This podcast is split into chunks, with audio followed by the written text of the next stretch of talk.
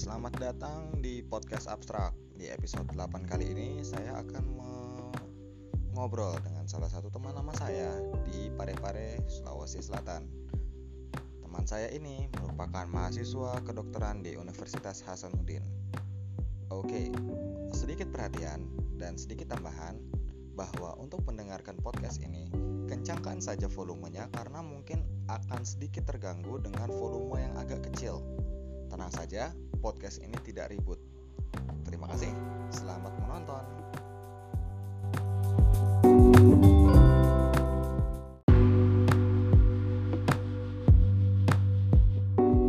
Assalamualaikum. Waalaikumsalam warahmatullahi wabarakatuh. Oke, okay, welcome to the podcast ya, Risma. Welcome, selamat datang sekali lagi di sini.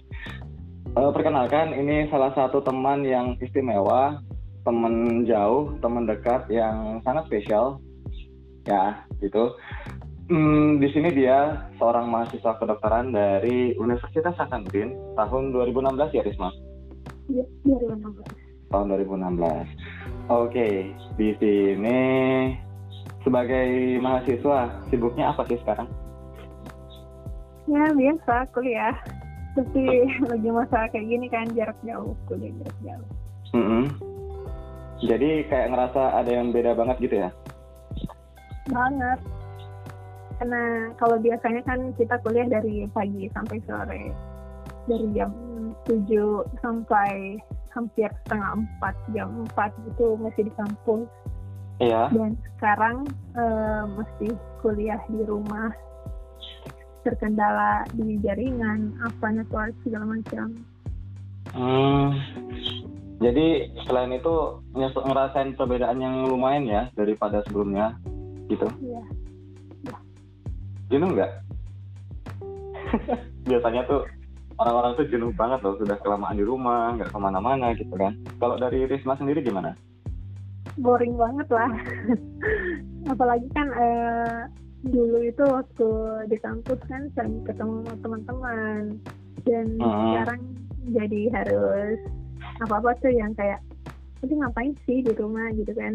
Mungkin kebanyakan orang akan berpikir ngapain sih di rumah? Ngapain iya. sih masih ngikutin aturan kayak gini? Cuman uh, come on man kita harus menghargai juga uh, orang-orang yang masih bekerja di luar sana, terutama para tenaga medis gitu kan.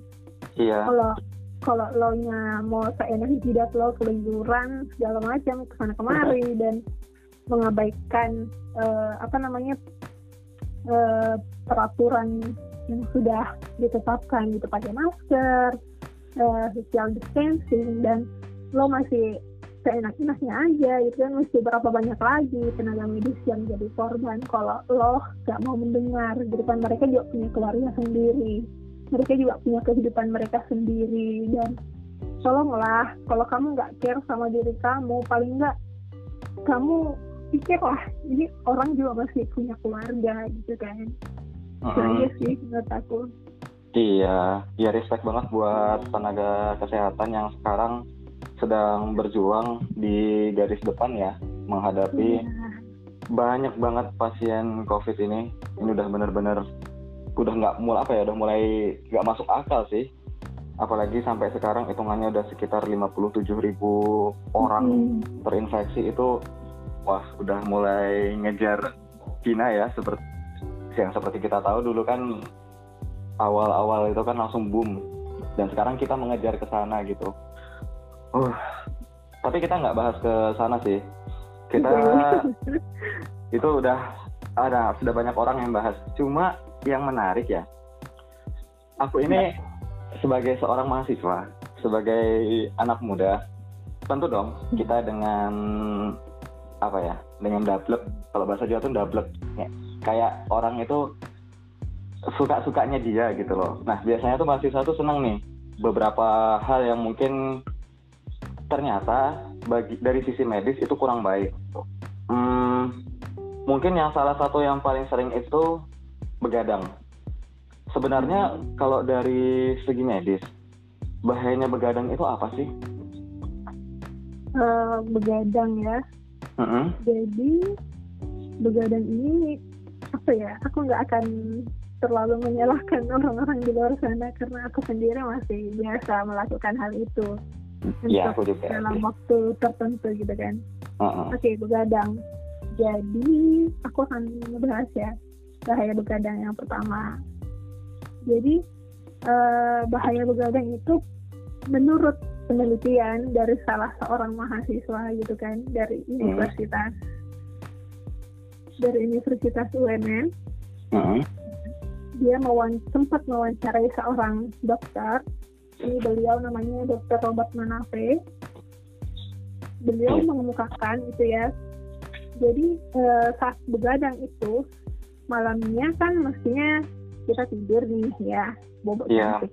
tapi kita nih para mahasiswa-mahasiswa yang super sibuk katanya Iya. kita masih begadang nah Mm-mm. begadang ini kita maksakan diri buat masih beraktivitas nih pas seharusnya kita udah istirahat nah Mhm. hal yang pertama dirasakan itu lapar ya nggak sih Nah, kalau lapar. aku iya lapar kenapa karena setelah jam 10 malam di mana seharusnya itu kita tidur tapi kita belum tidur kan Mm-mm. nah Benar. saat saat saat, saat itulah eh, metabolismenya kita ini masih meningkat. Nah, Mm-mm. Seperti yang kita tahu, eh, ketika tubuh kita beraktivitas, eh, tubuh melakukan metabolisme. Nah, metabolisme itu dilakukan mereka butuh eh, energi.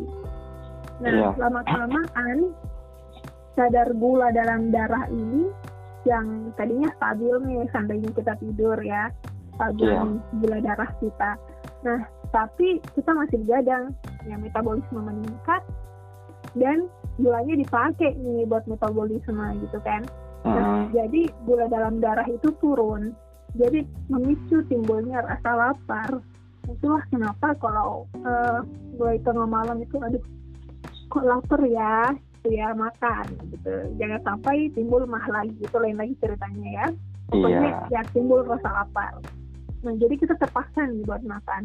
Mm-mm. Nah, saat makan di jam-jam segitu itu di tengah malam itu itu terasa sekali peningkatan berat badan. Ini Oh, coba deh, iya.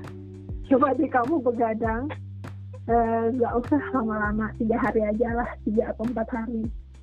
Mm-mm. Kamu begadang dan di setiap malam itu kamu makan tengah malam itu akan terasa banget peningkatan berat badannya. Oke. Jadi itu yang paling dirasakan dan paling cepat untuk terlihat gitu kan. Terus Mm-mm. yang kedua itu eh, kita tidur itu kan kita kasih kesempatan ke otak kita. Ini seharian udah capek nih si otak bekerja keras kan merekam segala sesuatu. Nah kita ketika tidur itu kita kasih kesempatan ke otak kita untuk menata kembali memori-memori kita. Nah kalau dihubungkan eh, ke perkuliahan ya, Iya. apa yang udah kita pelajari siangnya itu itu akan eh, apa namanya kayak terolah lagi di memori kita jadi pas kita tidur itulah memori itu ditata ulang lagi sama si otak ini luar biasa ya Mm-mm. nah jadi keesokan harinya itu tubuh lebih fresh tubuh lebih segar daya ingatnya lebih eh, oke lebih optimal dibandingkan eh, pas kita begadang jadi eh, nggak ada gunanya sih ya maksain diri belajar sampai larut malam sampai jam 2 sampai jam 3 Mm-mm. eh, benar-benar ngejar waktu itu hanya untuk kerjain tugas yang belum selesai eh, untuk ujian esok harinya tapi yang terjadi malah apa yang eh, dipelajari itu nggak akan optimal nggak akan optimal terekamnya di otak Mm-mm. Oh karena gitu.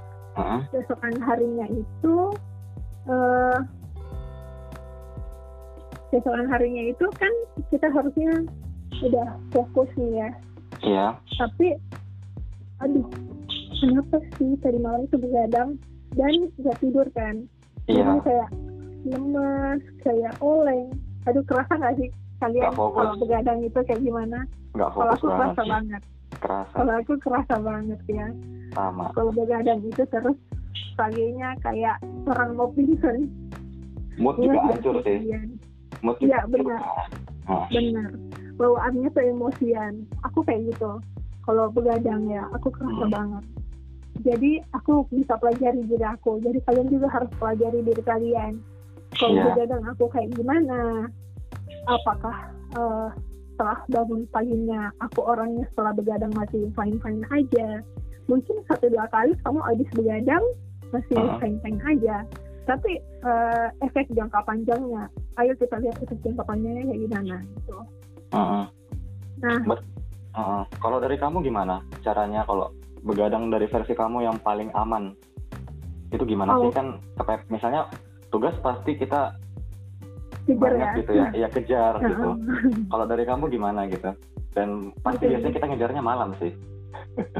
nah, nggak ada waktu lain mahasiswa Ah. seperti itu pagi sampai sore udah kamu dapat tugas belum lagi kamu belajar belum lagi organisasi kamu yang lain Iya. belum lagi kehidupan pribadi kamu oke Mm-mm. jadi kalau aku aku biasanya eh, apa benar-benar sampai jam 9 atau paling lambat jam 10 gitu ya paling Iya. lambat jam 10 Mhm. tugas aku belajar kalau memang tugasnya nggak nggak dapet sampai jam 10 itu aku Mhm. harus harus banget tidur di jam 10 itu nanti aku bangun lagi di subuh subuhnya itu aku biasa paling cepat jam 3 aku biasa paling cepat jam jam 3 kan lumayan ya jam 10 Iya. tidur jam 11, 12, 1, 2, 3 Lima ya jam dapat lumayan. 4 5 jam Empat gitu lima kan, jam. Hmm. Nah, aku bangun jam 3, aku kerjain lagi. Malah, eh, aku pikir terus ini aku sendiri yang jalanin gitu kan. Tapi Iya. ternyata salah seorang dosen aku juga sempat memberikan informasi yang sama. Jadi beliau cerita juga, eh, saya itu dulu eh, nggak belajar mati-matian, maksudnya nggak benar-benar nggak begadang karena emang nggak ada guna itu kan dia pernah coba itu sekali dia begadang Mm-mm. dan pas ujian dia kayak ngeblank dan itu yang paling sering aku alami kalau aku begadang paginya Iya. tuh aku kayak kayak mayat hidup benar-benar mukanya itu kelihatan banget dan dia eh, melakukan trik yang sama Mm-mm. itu dia tidur paling lambat jam 10 dan dia bangun jam 3 jam 3 subuh dia bangun dia lanjutin lagi dia belajar malah Iya. guys for your information otak kita itu akan lebih segar di subuh hari itu dan akan lebih mudah untuk mengingat, mengingat ya mengingat memahami akan lebih mudah di subuh hari itu. Kalian bisa coba sendiri benar-benar tidur jam 10 tidur berusaha tidur nyenyak ya. Nah dibangun bangun itu jam 3 subuh atau jam 4 subuh lah kalau kalian mau gitu kan jam, jam 3 atau jam 4 subuh bangun belajar itu akan lebih enak sih menurut aku kayak gitu Hmm. Iya, iya, benar benar benar benar. Yang sekarang itu yang polanya sering terjadi itu ya, karena kita lama di, di rumah, itu sampai mengubah pola tidurnya tuh ekstrim. Ada beberapa orang yang aku kenal ekstrim banget pola tidurnya berubah. Misalnya siang ganti malam, malam ganti siang. Ngerti kan maksud gue? Iya, Eh, jadi itu kalau lawar ya ah, ah, kalong kalau bahasa kerennya tuh. ya kalau Kalau dari kamu, dari sudut pandang kamu, sisi berbahayanya itu apa sih dari pola yang seperti itu? Nah, kalau ini kembali lagi ke pribadi masing-masing ya. Aku nggak Hmm. akan jawab. Aku nggak akan jawab ini berdasarkan sudut pandang medis atau apa. Kita Iya. akan ngobrol lebih asik aja, lebih santai aja. Mm-mm. Kalau udah begadang nih, sampai ubah pola tidur nih. Siang jadi malam, malam jadi siang. Apa itu bahaya?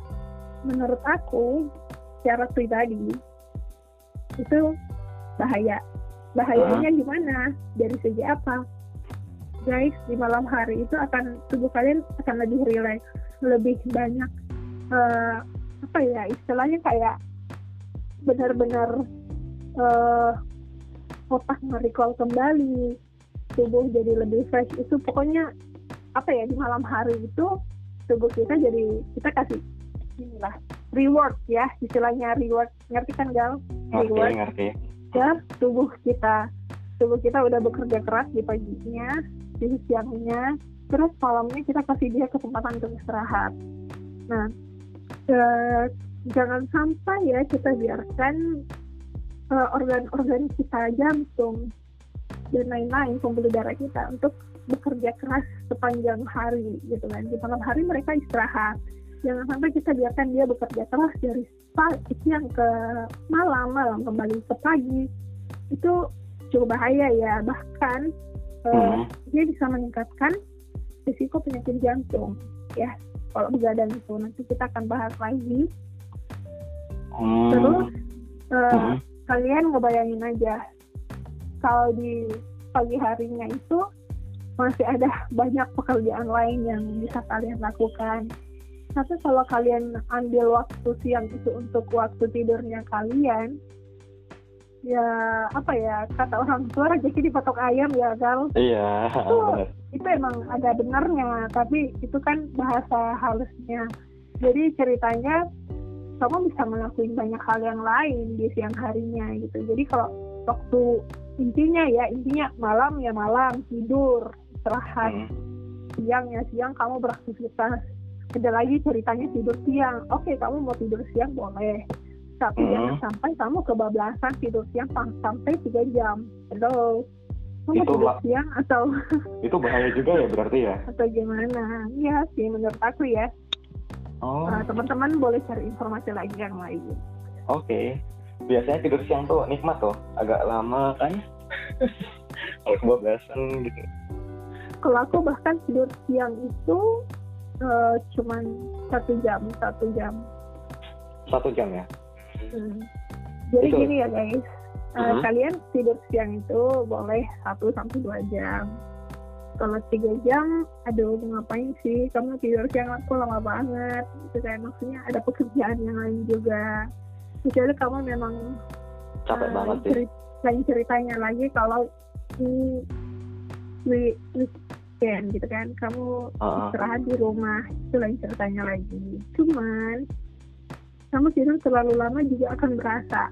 Kenapa aku bilang kayak gini akan berasa capeknya tidur itu juga capek karena aku hmm. juga ngalamin aku juga pernah ngalamin itu. Hmm. aku kayak libur nih ya gal. Libur yeah. di rumah gak apa-apain. Aku bobo-bobo aja gitu kan tidur-tidur aja. Ini kebablasan nih sampai jam 11 siang. Aduh pas banget tuh ya. Kayak yeah. badan pegel-pegel. Itu karena mungkin ya mungkin aliran darah kita kurang kurang lancar nih. Dari tadi nih bobo aja terus beraktivitas. Jadi ya ayolah kita olahraga olahraga sedikit jalan-jalan sedikit boleh lah. Gitu. oh oh iya uh, resiko kesehatan ini yang harus kita perhatikan sama-sama oke okay. mm-hmm.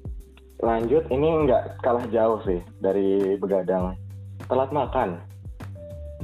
Ya gitulah. Kalau itu kan selain apa ya pada umumnya yang kita tahu kalau misalnya kita telat makan otomatis akan menyebabkan asam lambung jadi meningkat. Sehingga hmm resiko mahnya tinggi gitu. Hmm, selain itu, kalau dari telat makan dari sisi yang kamu lihat, dari sisi yang kamu tahu juga, hmm. bahayanya apa sih selain mah ya? Oke, okay. uh, telat makan ya, mah. Hmm. Okay. Jadi kita akan ngebahas tentang mah dulu nih, mah. Oke. Okay. Nah, jadi guys, ma itu sebenarnya uh, itu istilah orang awam yang digunakan untuk menggambarkan gejala-gejala sakit perut, mual, muntah, perih atau uh, rasa seperti terbakar di hati ya biasanya orang bilang, terus kembung, juga, mm-hmm. terus asam. Jadi ma itu sebenarnya dia dia bahasa Belanda. Mah Iya. itu bahasa Belanda yang berarti perut. Nah, Ma Hmm. ini dia istilah orang awam. Jadi Ma ini e, menggambarkan penyakit gastrointestinal atau penyakit saluran cerna secara umum. Nah, mah ini beda lagi sama gastritis. Nah, gastritis ini eh, dia yang biasa kita sebut dalam dunia medis ya. Iya. Gejala-gejalanya itu eh, mirip seperti sima ini. Jadi mungkin sima ini bagian dari gastritis. Tapi Hmm. dari gastritis ini bisa timbul lagi komplikasi-komplikasi.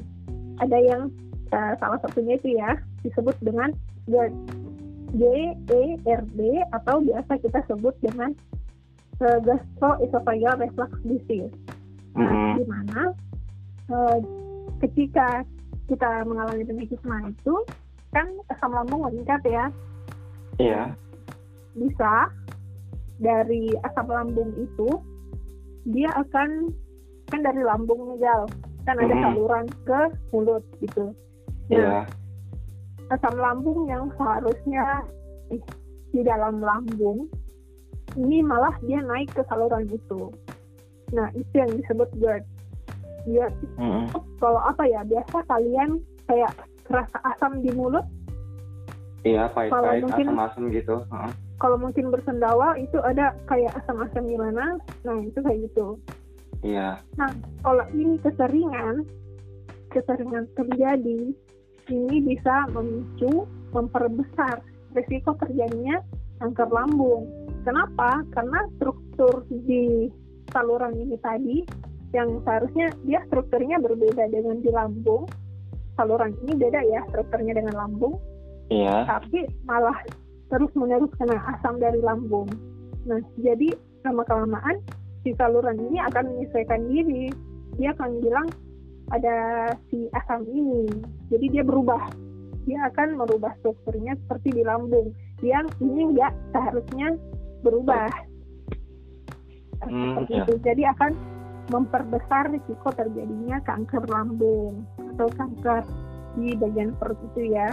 Nah, Hmm. bahayanya lagi gal kalau misalnya mah ini tambah berat Iya. di bagian lambungnya itu hmm, bisa bocor karena asam itu tadi jadi ulcus pepticum adalah namanya penyakit ulcus pepticus di mana eh, terjadi ulkus atau luka yang menggigau jadi dia Hmm. kayak apa ya pokoknya dia ngebentuk lubang gitu di lambung nah Hmm. kalau terjadi kayak gini akan terjadi kebocoran cairan di dari lambung ke rongga perut Iya. Nah, bisa terjadi lagi penyakit yang lain, Gal.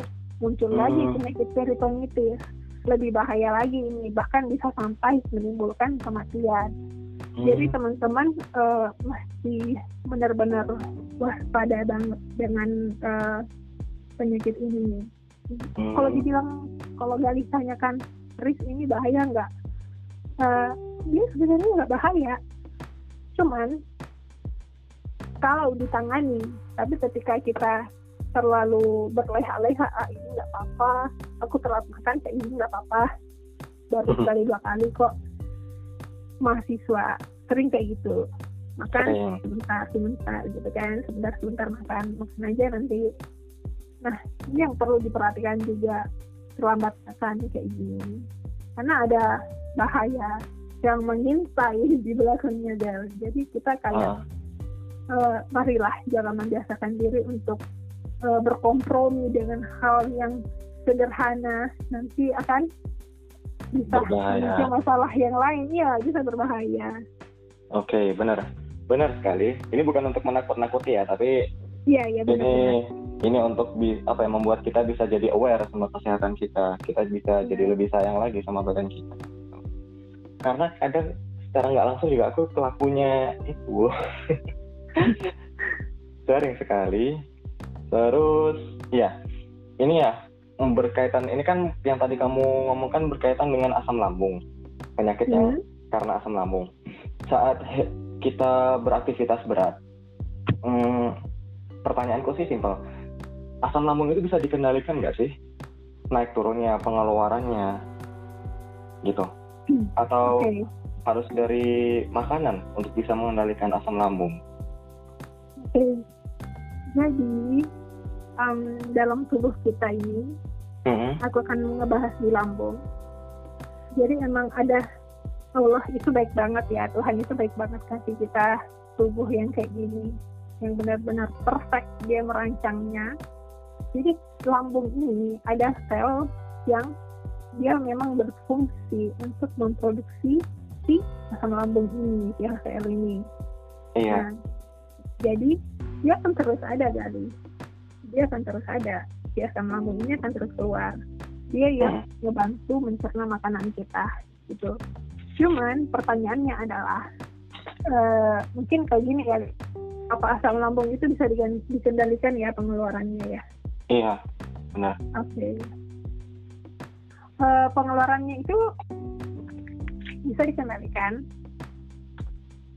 Pertama kalian eh, bisa tahu ya kalau hmm, eh, mahasiswa nih stres ya, kalau lagi Iya. stres kebawaannya pasti kayak aduh mah nih kambuh gitu kan. iya Nah, pasti jadi kalian kelola psikologis lagi, kelola lagi, kendalikan lagi dirinya supaya nggak stres. Kalau suka ngemil, silahkan ngemil. Nah, orang penyakit mah itu biasanya eh, mereka makan porsi kecil, Mm-mm. tapi sedikit-sedikit, tapi sering. Nah, itu akan lebih eh, mengontrol si asam lambung supaya eh, nggak si perut ini nggak kosong, tetap ada yang dia olah, tetap ada yang dia kelola. Jadi nggak terlalu eh, membuat si lambung ini berasa perih karena selalu terisi dengan eh, makanan-makanan. Aku juga orang mah, jadi aku Mhm. akan selalu sedia cemilan apa pun itu biskuit atau apa atau apa pun itu. Pokoknya eh, aku nggak akan biarin perut aku kosong. Oh. Meskipun itu cuman makanan kecil. Jadi buat teman-teman di luar sana yang memang ada mah yang berasa kayak kalian belum tahu ini mah atau bukan tapi eh, ngerasa ulu hatinya nyeri oke silakan kalian bawa persediaan makanan roti sebungkus kayak apa kayak biskuit pokoknya kalian harus selalu sedia itu ya jadi sayangi Hmm. diri kalian dari sekarang guys Soalnya- soalnya kalau udah udah kena penyakit mah itu ya gal susah sekali disembuhinnya susah sekali hilangnya gitu Hmm, iya benar-benar. Itu lama banget baru bisa sembuh dan nyiksa banget sih kalau udah kena itu. Aduh. Aku jadi juga sih. kalian kalau udah sekali kena tuh kayak nempel terus aja gitu penyakitnya Iya. Hmm. Tapi memang sih yang dari dua pola itu kan memang sudah sering menyebabkan beberapa penyakit dan akhirnya memang jadi mengancam kesehatan diri kita juga gitu. Tapi ada hal yang aku tergelitik gitu loh. Mungkin kamu paham atau enggak? Eh, tapi simpel aja. Dari yang dua aku sebutin tadi, begadang sama hmm, telat makan ini tadi ya. Karena kita sibuk, apakah ini menimbulkan candu? Hmm, ya Hmm. begadang ya Mm-mm. sama Telat Penyakit. makan. telat makan oke apakah itu candu bagi mahasiswa Em, kalau aku sendiri ya aduh aku- juga pengen ketawa soalnya aku masih mahasiswa guys jadi apa ya eh, mungkin aku akan lebih mengatakan eh, ini dua hal yang sulit untuk dihindari oleh yang namanya mahasiswa. Kamu mau nggak begadang kamu ada tugas kayak gimana gitu kan? Mau nggak mau kamu cari waktu di waktu yang malam. Jadi kayak itu tuh bukan candu sih ya gal aku nggak akan mengatakan dia dia sebagai hal yang kita kecanduan sama itu. Karena eh emang susah susah buat dihindarin Mm-mm. keterpaksaan ya mungkin akan lebih ke arah keterpaksaan tapi eh, aku juga nggak akan pungkiri kalau banyak banyak di antara kita yang mungkin rata-rata uh, menganggap menganggap remeh ya. Ya, hmm. ini yang akan aku katakan. Iya. Aku mungkin akan mengatakan kita akan lebih menganggap remeh hal ini tanpa memikirkan uh, dampak jangka panjangnya aja. Jadi kalau mau dikatakan ini candu atau bukan, uh, aku kembalikan ke teman-teman pendengar lagi. Kalian hmm. saja kalian mau menganggap ini candu atau bukan. Tapi kalau menurut menurut aku, uh, buat aku pribadi, aku gak canduan sama dua hal ini karena ya aku bisa mengendalikan diri aku, aku bisa mengontrol aktivitas aku. Jadi mau dikatakan ini candu atau bukan ini kembali lagi ke kemampuan kalian untuk mengendalikan diri kalian. Bisa nggak sih kalian kendalikan salat makan ini, kendalikan begadang ini dengan uh, tips-tips yang sudah aku katakan tadi. Hmm, oke oke. Balik uh, ya lanjut lagi ini masih sama temanya masih yang begadang tadi. Ini oke okay, kan karena kita begadang ya. Begadang itu kan hmm. ngerjain tugas. Otomatis kita membuat otak itu berpikir keras ketika malam itu. Hmm, secara secara medis itu apakah mempengaruhi otak dan tubuh atau enggak sebenarnya? Saat begadang kita biarkan pikir pikiran jadi aktif berpikir pada malam hari. Mm -hmm. Apakah itu bahaya atau enggak? Oke. Okay. Uh, eh, aku kayaknya udah secara tersirat membahas ini tadi ya uh-huh. di awal pembicaraan pikiran kita aktif nih saat malam hari bahaya nggak sih? Uh-huh. It's fine fine aja. Kamu mau tidur pun kamu nggak bisa ngalangin pikiran kamu untuk nggak bekerja. Yakinlah nggak semua orang akan mudah memasuki waktu tidur. Maksudnya nggak semua orang pas ketemu bantal ngorok gitu kan enggak Iya. Ya kan. Nah, uh, ada ada beberapa saat mungkin kamu akan memikirkan uh, berbagai hal dulu, baru kamu bisa menjamkan mata tidur. Uh, aku nggak akan mengatakan ini bahaya, cuman uh, akan rugi di diri kamu sendiri. Kenapa aku katakan rugi di diri kamu sendiri? Karena waktu tidur itu kan seperti yang aku udah jelaskan waktu awal-awal tadi, itu waktu reward. tidur itu ya itu sebagai reward aku akan lebih sering menggunakan kata ini reward ke diri kita untuk istirahat dari apa yang sudah kita kerjakan tadi pagi nah di malam hari kan memori-memori kita ini saraf-saraf kita ini menata ulang lagi apa yang sudah kita uh, dapatkan gitu kalian hmm. sudah kuliah siangnya paginya malamnya ya tidurlah itu sebagai reward untuk diri kamu. Ya, mungkin ada pendengar yang akan mengatakan kamu sih enak bilang kayak gitu. Lo enggak. Aku pernah ngalamin gitu. Aku pernah nggak tidur dua hari dua malam? Waktu masih maba. Oh. suruh bikin tulisan ini itu aduh my god. Oh, dan aku terasa yeah. banget paginya tuh kayak aku mau pingsan aku teler banget. Paginya tuh benar-benar pusing banget karena itu memang uh, mempengaruhi tekanan darah kita ya uh seperti itu. Jadi uh, malam itu benar-benar tidurlah. Walaupun hanya satu jam kamu tidurlah. Karena kasih kesempatan ke otak kamu supaya dia bisa merecall kembali apa yang udah kalian dapatkan tadi pagi. Uh-uh. supaya bikin otak kamu tubuh kamu jadi lebih fresh daya ingat kamu lebih optimal gitu kan? Iya. Yeah. jadi ya uh, aku akan mengatakan ini uh, sedang-sedang ya nggak bahaya juga tapi hmm, perbaikin lah kalau bisa nggak begadang janganlah begadang atau kurangilah pelan-pelan uh, porsi begadangnya sampai akhirnya kamu benar-benar nggak begadang sama sekali gitu. Oke oke oke terima kasih. Uh, selanjutnya yang tadi aku sempat mendengar mempengaruhi tekanan darah. Hmm, kalau mempengaruhi tekanan darah, berarti ada potensi untuk oh ya dan juga tadi kamu juga sempat ngomong tentang serangan jantung.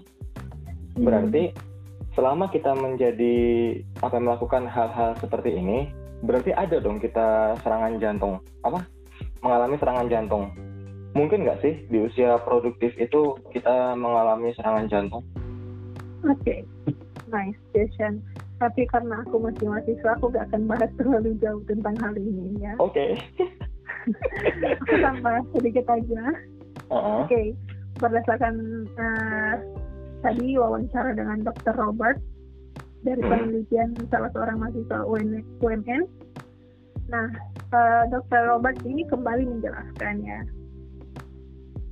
Hal yang ketiga yang sangat mengganggu dan akan membahayakan kesehatan di kemudian hari. Nah, ini kutip ya teman-teman semua garis bawahi. Di kemudian hari. Ini Mhm. efek jangka panjangnya. Jadi tubuh kita itu akan mengeluarkan sel-sel inflamasi atau sel-sel radang ketika begadang. Nah, dengerin nih ya. Jadi ketika begadang, tubuh akan mengeluarkan sel-sel inflamasi atau sel radang. Yang berbahaya pada sel eh, radang ini adalah sel-sel ini memicu perubahan yang berhubungan paling berbahaya yaitu dengan kardiovaskuler ya dengan jantung dan pembuluh darah. Nah, sel inflamasi ini akan meningkatkan denyut jantung dan tekanan darah. Oke, bisa diperhatikan di sini. Dia Iya. akan meningkatkan denyut jantung dan tekanan darah. Nah, jika kebiasaan begadang ini akan dilakukan terus-menerus, nah setiap kali keluar sel inflamasi ini dalam waktu yang tidak terlalu lama, dia Mhm. akan meningkatkan tekanan darah nah, yang akan berakibat kepada proses penyempitan pembuluh darah. Iya. Jadi eh, secara simpel aku kan bilang kayak gini. Eh, kali kalau kalian punya selang di rumah, kalian bikin tahanan di selangnya kalian itu. Selang itu kalian bikin tahanan atau kalian eh, sedikit rendah selang itu, maka Hmm. pancuran airnya akan lebih Kuat. lebih kencang ya. Nah, Mhm. kayak gitu. Jadi pembuluh darah kita itu akan eh, menyempit. Nah, Mhm. menyempitkan pembuluh darah ini, dia akan menjadi cikal bakal terjadinya stroke, stroke dan serangan jantung di kemudian hari. Sekali lagi, aku akan menegaskan di kemudian hari, ya. Jadi jangan dianggap remeh, jangan dianggap remeh ya guys. Hal ini yang menerangkan kenapa akhir-akhir ini ya, kita menemukan angka serangan jantung dan stroke terjadi pada usia yang lebih muda. Ya enggak sih? Kalian pasti sering dengar ya. Nah, pada generasi 80-an ini penderita stroke di atas usia 60 tahun. Nah, generasi 90 udah udah eh, di bawah 60 tahun udah mulai terkena stroke. Nah, usia 50 sudah kena stroke. Nah, di generasi, di generasi 2000-an angka kejadian stroke dan serangan jantung sudah semakin muda. Artinya eh, anak-anak 2000-an ya, anak-anak 90-an dan 2000-an ini jadi lebih rentan terkena stroke dan serangan jantung. Dan Mhm. beberapa kasus bahkan terjadi pada usia yang sangat dini. Dia terjadi di bawah usia 20 tahun. Nah, beberapa kasus ditemukan serangan jantung pada usia 30-an. Ayo 30-an ini sudah kena serangan jantung gimana? Kan? Nah, dia menggambarkan betapa pengaruh buruknya begadang. Jadi teman-teman dari eh, hasil wawancara itu tadi Iya. dengan Dr. Robert, kita bisa menarik kesimpulan. Jadi emang benar begadang ini bisa memicu serangan jantung dan stroke. Tapi kalian gak akan lihat itu secara instan. Maksudnya ya instan, gak langsung gitu loh. Mhm. Dia di kemudian hari. Jadi efek jangka panjangnya itu yang Iya. mesti kita waspadai terjadinya stroke dan serangan jantung. Jadi eh, kita mahasiswa sejak sekarang, kalau masih mau menjadi mahasiswa S1, S2, S3, ayo kita ubah pola hidup kita ya, jangan begadang, jangan telat makan. Oke ya. Hmm. Wow, ini agak menyentuh juga gitu kan. Oke, ini em, lanjut lagi ya. Selanjutnya, ke- ketika kita begadang, biasanya ada orang yang memaksakan dirinya berolahraga pagi, Hmm. begitu ya. Hmm, di situ, apakah kalau kita begadang terus kita langsung berolahraga pagi itu disarankan?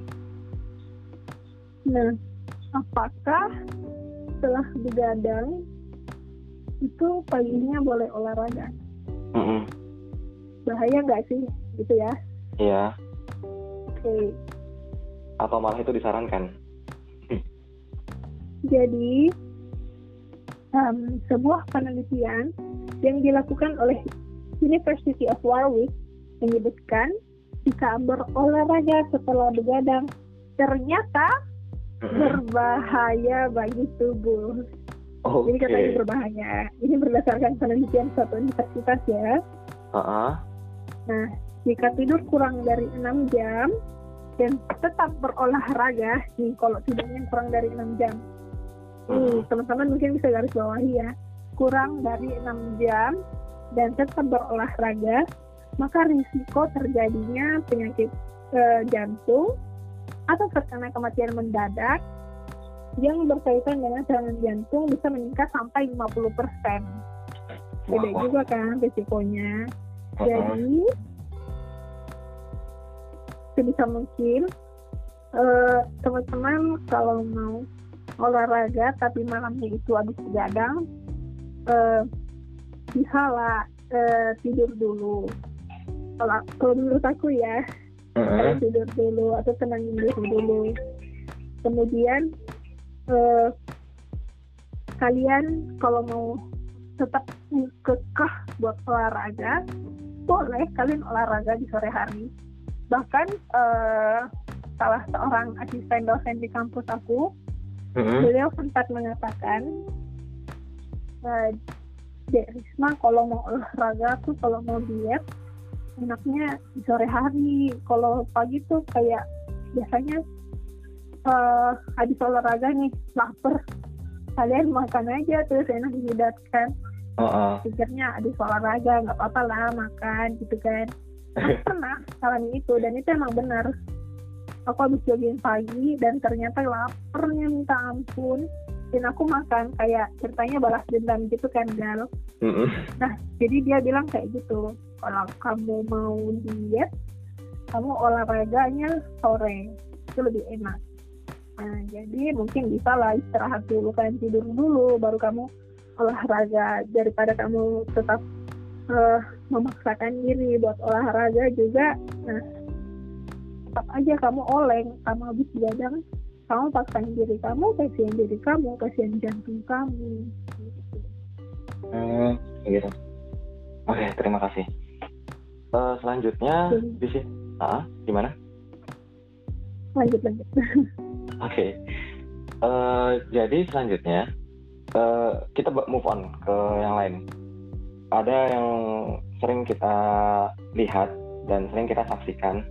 Biasanya kalau kita mahasiswa dan masih baru merasakan hawa-hawa kedewasaan begitu ya. Biasanya kita cenderung mencoba berbagai hal. Salah satunya rokok. Dari sudut pandang medis, kan kita ketika mencoba rokok itu kan langsung jadi sebuah kecanduan, begitu ya. Dari Mhm. sudut pandang medis, da- gimana medis melihat hal seperti ini? Em, Oke, jadi kenapa kita mau coba-coba gitu? Bukan kita ya, Iya, bukan, kita. bukan. Orang, orang, orang, orang, ya, Ah. orang. Iya, orang tapi lain. ya di sekitar kita. Coba-coba, gitu kan? Heeh. Mhm. Oke. Em, ada-ada aja sih alasannya mereka kalau ditanya kenapa sih kamu ngerokok gitu ya kenapa ngerokok. Misalnya supaya dalih dengan dalih ini eh, jadi muncul ide-ide yang kreatif. Jadi lebih nggak ngantuk lebih segar nah, apalah segala macam alasan yang mereka buat. Untuk Iya. membenarkan kelakuan mereka itu kan aduh aku aku geram banget nih kalau ngebahas tentang rokok kenapa? Karena Heeh. enaknya enaknya di dia. Tapi yang bikin nyeseknya itu di kita gitu. Maksudnya apa ya? Aduh kasihan banget sih dan kamu kayaknya udah tahu ini hal yang salah. Merokok itu hal yang salah. Mhm. tapi kamu masih aja mau ngerokok. Dan kenapa anak, anak muda sekarang bukan anak muda sekarang pokoknya semua anak muda. Kenapa anak muda mau coba-coba? Ya karena emang pada dasarnya dari anak Iya. muda itu pasti mau coba-coba. Hmm. coba-coba. Kalau melihat temennya kayak gitu pasti juga mau. Ya. Iya. Eh, be- beda kasusnya lagi kalau eh, si anak ini bukan anak yang tipikal apa yang dia lihat temannya dia juga pengen enggak Eh, be- beda lagi kasusnya kalau kayak gitu.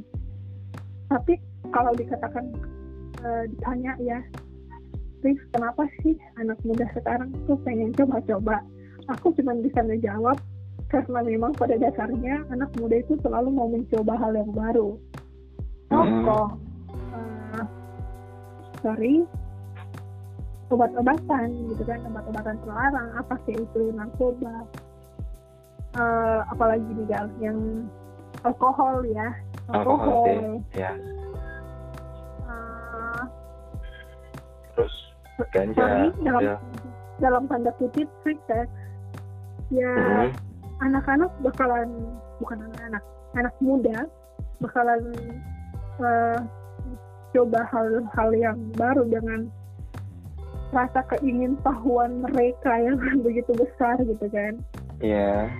jadi emang ya anak muda pada dasarnya ingin mencoba-coba. Cuman apa dulu nih yang pengen dicoba-coba gitu kan? Kalau sesuatu hal yang eh, seenggaknya dia tidak merugikan ya monggo silakan dilanjutkan keingintahuan kamu itu.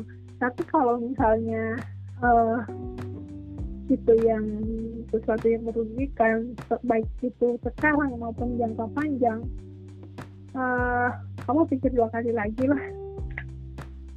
Cuman itu ya jawaban aku. Emang pada dasarnya anak muda itu mau mencoba-coba.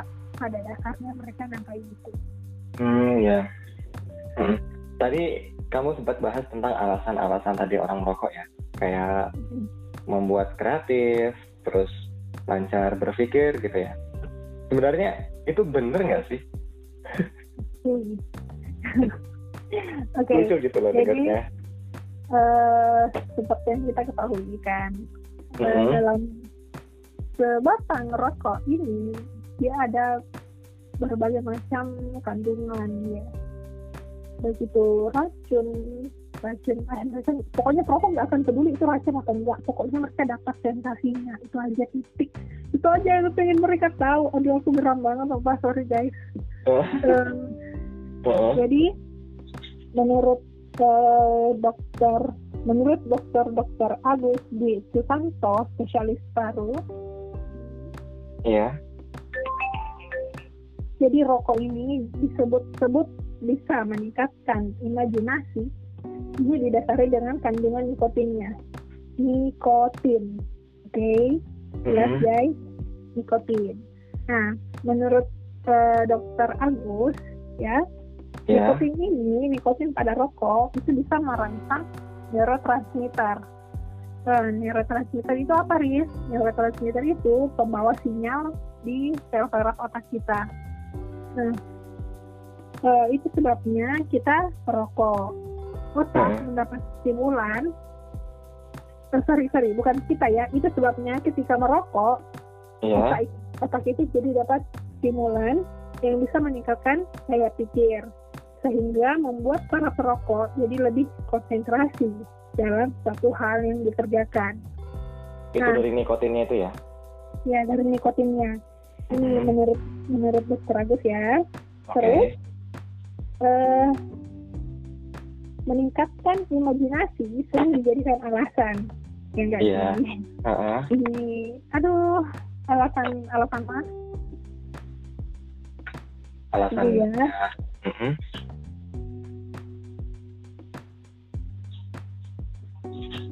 Alasan alasan apa? masih alasan masih bagi para perokok ini meningkatkan Iya. imajinasi ya Mm-mm. Kan selalu seperti itu. Ditanyain kan kenapa ngerokok? Ya. Selalu jawabannya seperti itu. Berarti dari yang aku simpulkan itu itu karena nikotin itu ya, nikotin yang Iya. menyebabkan kita bisa merasa seperti itu gitu.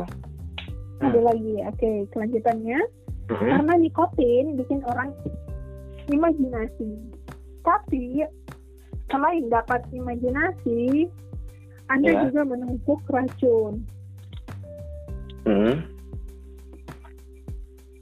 Berarti berbahaya ya apa nikotin ini? ya eh, jadi eh, tunggu jadi eh, mesti disikirkan dulu Eh, ini hal yang salah kalau rokok itu dijadikan tameng bagi eh, mereka ya mereka perokok juga bisa berpikir Mm-mm. Padahal ini gal ada banyak macam hal yang bisa dilakukan untuk masyarakat ide-ide. Nah kemudian selain merangsang imajinasi, nikotin juga bisa sebabkan adiksi karena mendorong pelepasan dopamin. Dopamin itu hormon eh, supaya kita merasa bahagia, ngerasa nyaman. Ini sebabnya karena rokok itu susah untuk ditinggalkan karena ini dia ada dopamin eh, karena dia merasa itu dopamin ya. Mm-mm. Jadi eh, melawan dopamin inilah tantangan terberat yang harus dilewati oleh seorang perokok supaya dia bisa benar-benar berhenti merokok. Nah, Iya. Em, ada banyak hal sih yang bisa dilakuin supaya bisa berhenti merokok, tapi mau gimana pun juga itu bakalan susah banget bagi mereka. Aku yakin itu pasti bakalan susah banget. Karena Susah aku udah udah mendengar cerita-cerita dari orang-orang di sekitar aku yang eh, mereka bersusah payah untuk berhenti merokok. Yaitu ada guru aku, guru SMA aku pernah juga bercerita, aku sempat eh, merokok kata dia. Saya sempat Hmm. merokok dan semakin hari saya berpikir sudah berapa banyak rokok yang saya habiskan. Seandainya rokok ini adalah uang, jadi saya ambil uang, saya gulung-gulung uang, jadi saya bentuk rokok itu, berarti saya membakar uang, gitu kan? Dia bilang kayak Iya. gitu, jadi saya bakar uang. Jika uang 20.000 ribu ini, kan eh, sebungkus rokok harganya sekitar 20 gitu kan? Iya. jika uang 20.000 ribu ini saya simpan, saya tabung, sudah seberapa banyak uang saya sekarang. Jadi sejak saat itu, sejak beliau berpikir seperti itu, akhirnya eh, beliau em, berhenti merokok. Ya, Mm-mm. tergantung lagi niat kita masing-masing kayak gimana. Terus salah seorang dosen saya, beliau dokter ya, beliau juga eh, sempat menceritakan uh, anak-anak dulu saya itu perokok dan pas saya mau berhenti merokok itu susah sekali. Jadi alhasil eh, saya itu menahan rasa keinginan untuk merokok. Ternyata gali ketika mereka untuk berusaha untuk berhenti merokok itu Iya. akan timbul eh, sensasi-sensasi yang seperti orang sakit gitu loh kayak apa ya kayak gemetaran itu gimana sih nggak tahu juga sih kenapa bisa kayak gitu Mm-mm. jadi katanya dia berhenti dengan cara eh, dia mengganti kebiasaannya kan biasanya orang ngerokok itu habis makan habis makan nasi ngerokok gitu kan Iya. Sambil ngopi Mungkin- ngerokok. kopi ngerokok bawa kendaraan ngerokok gitu kan Iya. Eh, jadi dia ganti kebiasaan itu dengan ngunyah permen. Nah, jadi dia ngunyah permen, akhirnya eh, lambat laun itu bisa berhenti rokoknya. Dan eh, pas dia mau berhenti itu emang susah banget karena emang sampai muntah-muntah gitu kata dia. Jadi ya para pecinta rokok bagaimana? Apakah anda mulai terpikirkan untuk berhenti? Harus berani dong. Ya. soalnya Oh. banyak banyak orang yang dirugikan dengan keenakan kamu ngerokok kita yang rugi gitu loh. Udah dekat Hmm. banget sumpah. Terutama kita yang jadi perokok pasif sih. Bahaya yang paling utama kan di situ. Kadang Iya. pernah sih nggak sadar gitu ya. Teman-teman ngerokok nongkrong gitu kan. Eh aku sendiri yang nggak ngerokok. Malah dada aku dong yang agak sesek gitu. Dan mau nggak mau aku harus keluar dari nongkrongan itu sebentar untuk ngambil nafas dan ngambil jarak dari mereka karena udah betul-betul nggak enak kan dalam kondisi yang seperti itu. Kondisi yang sangat amat tidak nyaman. Tapi gini eh, selain rokok kadang ada juga yang mengakalinya dengan vape. Hmm, kalau dilihat dari medis stop vape itu apa jadi bisa jadi solusi nggak untuk mengatasi kecanduan rokok Em, ini teman-teman bisa cari sendiri ya ada banyak sumbernya kalau kalian mau cari. Apakah eh, dari dari sisi medis ya gal? Hmm, apakah dari sisi medis eh, vape vape ini vape ini bisa menggantikan kecanduan merokok oke aku sebagai salah seorang calon ahli medis aku hmm, bagaimanapun aku nggak akan mengatakan bahwa vape ini adalah pengganti untuk rokok. Kalau kalian Mhm. mau berhenti merokok, udah berhenti aja. Kenapa? Di vape juga ada racun, ya. Racun yang ada di vape, eh, di rokok bisa ada di dalam vape. eh, vape. hmm, Cuman vape emang nggak ada tembakaunya. Kebanyakan vape emang nggak ada tembakau. iya tapi racun yang ada di rokok tembakau itu bulu belakangan itu tetap ada juga di vape maupun dia dalam bentuk lain kayak apa sih tetap ada juga racunnya gali. Hmm, cuman kalau mungkin nikotin dalam rokok tembakau itu cuma satu nikotin di dalam vape itu ada 10 perbandingannya kayak gitu. Lebih banyak ya? Jadi nikotin dalam vape lebih banyak. Hmm, bahkan ada kasus di luar negeri sana aku lupa di mana. Aku sempat baca kemarin di Amerika atau di mana. Seorang remaja ya dia masih usia 16 tahun. Bayangin 16 tahun. Dia hmm, ngevape dia ngevape selama 2 tahun. Dan pada akhirnya dia masuk rumah sakit. Dia nggak bisa bernapas sama sekali. Kalau nggak menggunakan bantuan selang oksigen. Bayangin oh, kalau kalian kalau kalian mengatakan ah nggak apa-apa aku nggak ngerokok aku pakai vape itu lebih aman. No way. Oh my god bullshit. Itu vape itu sama aja sayang. Kamu kasih racunnya ke orang juga itu pakai asap kamu. Jadi oh, sorry aku aku geram guys. Aku nggak bisa aku nggak tahu bener-bener bahkan aku jengkel banget ya. Aku pernah lihat seorang remaja. Dia punya adik kecil. Dan Hmm. dia ngevape. Dia ngevape. Bayangin lo gal dia ngevape depan adik kecilnya dia. Terus asapnya itu dia semburin ke mukanya adiknya. Oh. Oh. maksud gue lo lo gila ya? Itu gila sih itu nyebarin racun dong. Aku kalau aku kalau kamu mau kalau kamu mau metong ya metong aja sendirian jangan ajak ada orang lain gitu. Maksudnya apa Hmm. ya? Kalian uh, on, man. Kalian bisa dapat ide-ide yang lain dari cara yang lebih baik yang lebih sehat. Bahkan ya ini informasi buat kalian semua buat rokok cinta vape di luar sana kalian tahu ya. Hmm, kalian harus tahu kalian rokok itu sama aja kalian memperpendek hidup kalian lima tahun. Jadi kalian eh, secara kasar ya. Iya. Secara kasar seandainya kalian masih di umur 60 tahun itu akan memperpendek umur kalian lima tahun. Jadi jadi sekali 55 tahun doang. Lo bayangin aja. Drastis kalian banget ya. berokok kalian pikirin aja bu apa ya?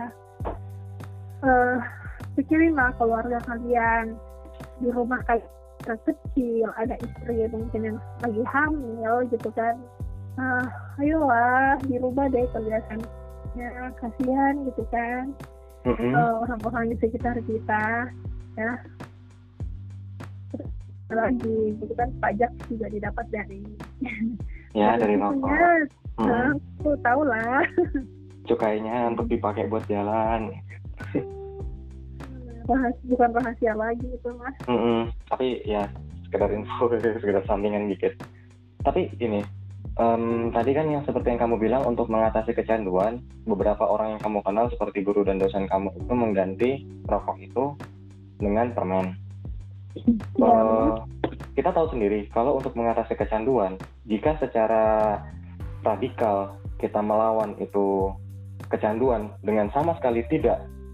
Misalnya kita udah merokok nih lama gitu. Tiba-tiba dalam sehari dua hari kita nggak merokok. Teng. itu kan otomatis akan mempengaruhi cara kerja tubuh.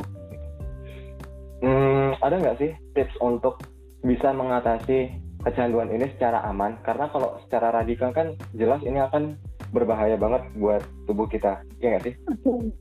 Heeh. Oke. ada nggak caranya gitu? Em, aku lupa bilang tadi ya Hmm, jadi eh, kalau misalnya sehari itu merokoknya lima batang Ya. mhm.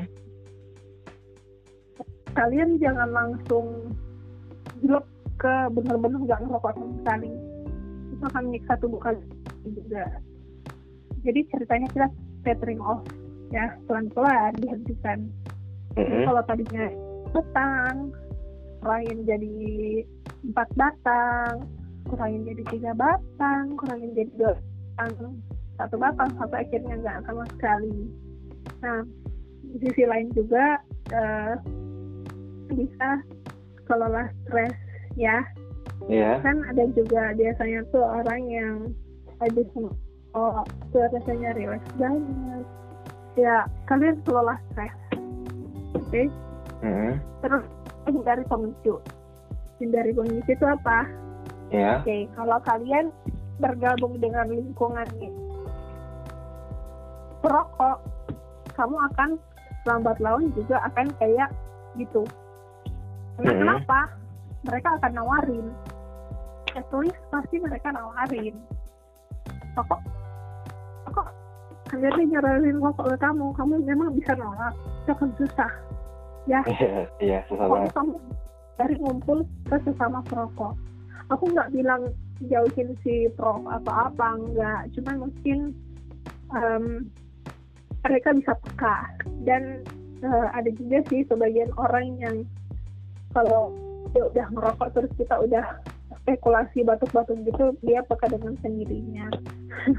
Itu bagus juga sih kalau kamu peka juga orang kayak gitu. Terus yang ketiga Mhm. juga ada namanya terapi nikotin Gimana tuh? atau nicotine replacement therapy atau NRT. Nah, eh, ini ya berhen- berhentinya asupan nikotin umumnya membuat seseorang perokok itu ngerasa frustasi, ya.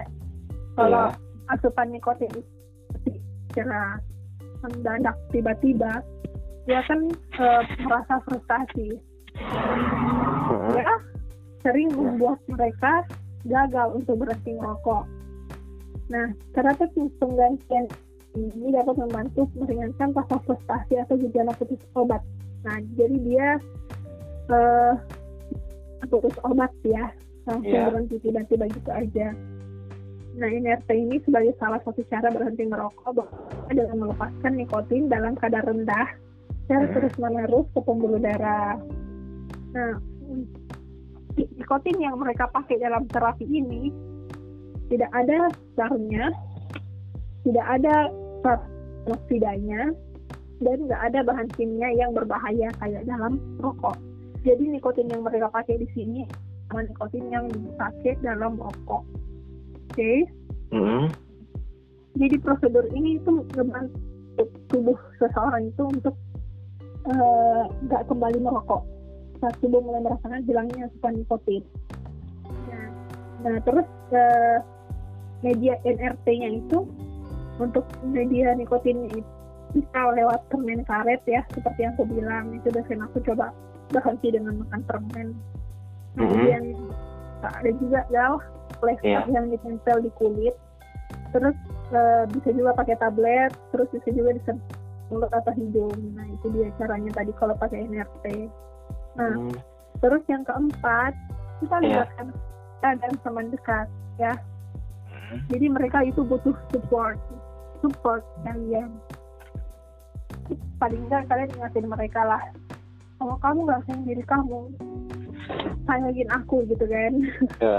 itu aja ngomong aja Oh, oh. itu kasihannya aku gitu kan aku juga aku juga berhak untuk bernafas Oh, begitu aja sih pola makan yang sehat olahraga hmm, oke. Kita sudah mulai di ujung sesi. Ini di sini dari Risma ada nggak pesan-pesan yang mau disampaikan untuk kita biar bisa menjaga diri dari perilaku-perilaku yang ternyata membahayakan kesehatan kita. Jadi, em, jadi gini guys selaku anak muda ya Mm-mm. itu kan harapan orang tua kita Em, kalian mungkin akan tiba pada posisi di mana aduh aku capek banget buat ini semua. Aku gak kuat lagi gadang nah gitu kan. Iya. aduh aku nggak bisa nih hidup sendiri tanpa eh, dampingan orang tua aku. Jadi kayaknya setelah makan daya malas makan daya gimana gimana Em, kalian pikirin orang tua kalian ketika kalian mulai lelah dan mulai berpikir kayaknya aku salah jalan deh kayaknya aku mesti nggak kayak gini. Pokoknya kalian pikirin orang tua kalian. Pikirin bayangin aja wajah mereka itu. Dan aku yakin dengan sendirinya kepercayaan kalian itu akan kembali gitu. karena semua orang jalannya masing-masing tapi eh, kembali ke kamu lagi. Kamu udah dewasa. Kamu memilih eh, jalan yang mana yang harus kamu ambil kamu akan bisa kayak tadi ya apakah Iya. kamu akan merokok apakah kamu akan begadang untuk hal-hal yang senang apakah kamu akan telat makan hanya karena asik game atau apa segala macam dan Mhm. satu hal lagi eh, kalian pergaulan yang tepat ya jangan sampai kalian eh, menyesal dengan sendirinya karena kalian salah pergaulan berhenti atau menjauhinya itu pasti akan susah Iya. jadi itu please kalian sayangin kalian karena ada orang tua kalian yang hidup kalian untuk kalian bahagiain itu aja sih dari aku Oke, terima kasih banyak di sini. Mungkin ini sudah, oh banyak banget ini yang bisa dibahas dari kebiasaan-kebiasaan yang lumayan kurang baik bagi tubuh kita. Oke, sekali lagi saya ucapkan terima kasih banyak buat Risma sudah Iya. banyak kasih pelajaran, banyak kasih kesempatan buat kita untuk bisa merefleksikan diri kita lagi. Ternyata memang kita harus bisa lebih sayang lagi dengan tubuh kita. So, dengan ini mungkin cukup dari saya. Saya Galih Fajar Antasari, as your host. Terima kasih buat semuanya, terima kasih. bye bye Oke, terima kasih. Assalamualaikum. Waalaikumsalam